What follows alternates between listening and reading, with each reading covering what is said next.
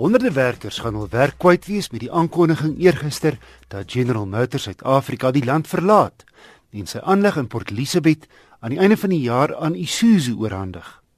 Suid-Afrika het sedert 1926 Chefs plaaslik vervaardig. Tot nou toe is Isuzu bakkies die Chevrolet Spark en Chef Utility 3 kwart ton bakkie in die baie vervaardig en Opel modelle ingevoer. Die maatskappy sê die besluit maak deel uit van 'n wêreldwye hersieningsbeleid. GM onttrek ook aan Indië en Singapore. Later meer oor hoe eienaars hierdeur geraak gaan word. Maar eers 'n luisteraarsbrief. Joan Hoon skryf hy ry tans 'n 2015 Toyota Corolla 1.4 turbo diesel, maar oorweeg dit om 'n kleiner motor aan te skaf. Hy skryf hy kyk na die nuwe Volkswagen Golf 1 liter turbo Comfortline, die Toyota Auris 1.6 XS of die 1 liter turbo of 1.5 turbo Ford Focus luikerig. Hy voeg by waarna ek kyk is genoeg krag om 'n 6 voet waantjie te sleep, brandstofverbruik, betroubaarheid en herverkoopwaarde. Hier is Nicole Lou, die tegniese redakteur van die tydskrif Car. As ek luister na wat die luisteraar benodig, natuurlik 'n luikerig voertuig. Hulle is almal so net so oor die oor die 300 000 rand. Wat vir my interessant is is Ehm die luisteraar se vorige voertuig was die Toyota Corolla 1.4 turbo diesel. So natuurlik uh, al gewoond aan daai lekker wringkrag by lae revolusies, goeie brandstofverbruik. Ek dink dis nogals belangrik vir alles as nou hier gaan kyk na 'n uh, sleepvoertuig. Alhoewel dit nou net 'n sleepwaandjie 6 voet sleepwaandjie is, kan hy redelik gelaai word en daai wringkrag is baie belangrik. As mens praat van 'n goeie sleepvoertuig, is wringkrag belangriker as uit en uit kilowatts. Want dit sê vir jou half hoe gemaklik daai voertuig om gaan sleep by lae revolusies.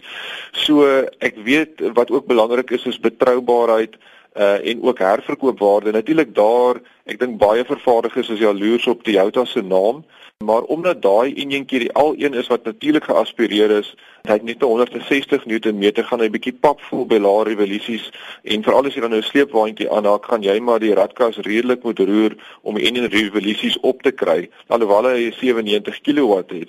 Die Golf het natuurlik nou net 'n 1 liter enjin, maar dit is 'n turbo, so hy 200 Nm en 81 kW maar ek sal bietjie versigtig wees. Dit voel vir my net so half 'n bietjie klein kapasiteit as jy nou praat van 'n sleepbaantjie volgelaai heeltyd rondsleep. Dan lyk dit vir my die Ford Focus 1.5 turbo, as ons kyk na sy spesifikasies, het hy 240 Nm en 132 kW. So definitief 'n lewendige enjintjie in daai Ford Focus. Maar die luisteraar moet weet omdat dit 'n petrolvoertuig, petrol turbo is, moet nou nie verwag jy gaan diesel ekonomie kry dieselfde wat daai Corolla 1.4 turbo diesel gegee het nie. Ek het so vinnig na die pryslys gekyk en net 'n bietjie duurder as die Ford Focus 1.5 petrol turbo is daar 'n 1.5 turbo diesel.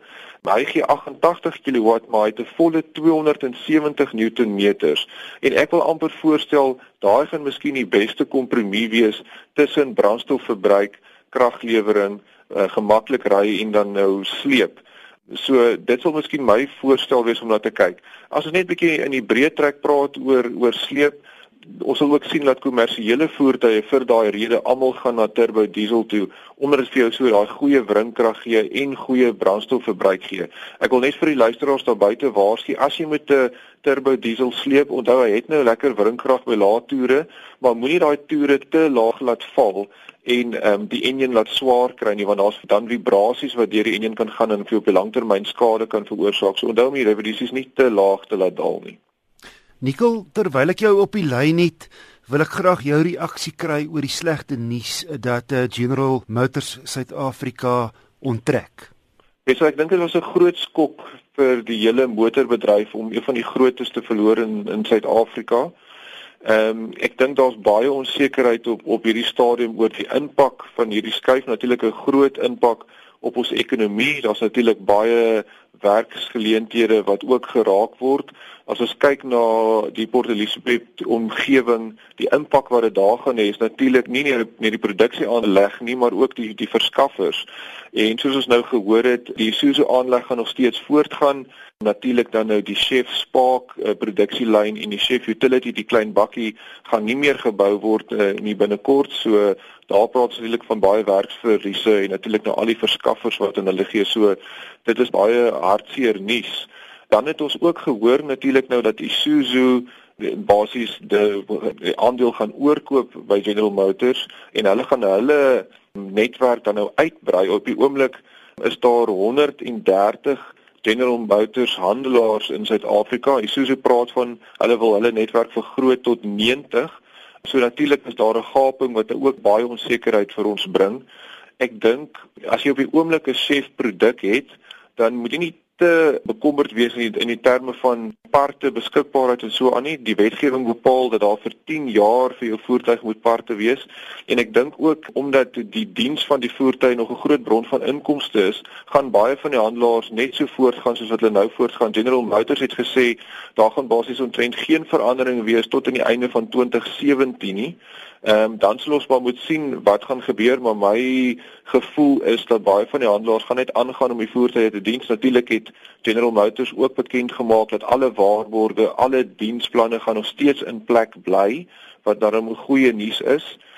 So ja, die bietjie van die swart skaap hierso is Opel wat net voor hierdie aankondiging oorgekoop is deur PSA of Peugeot in ons land.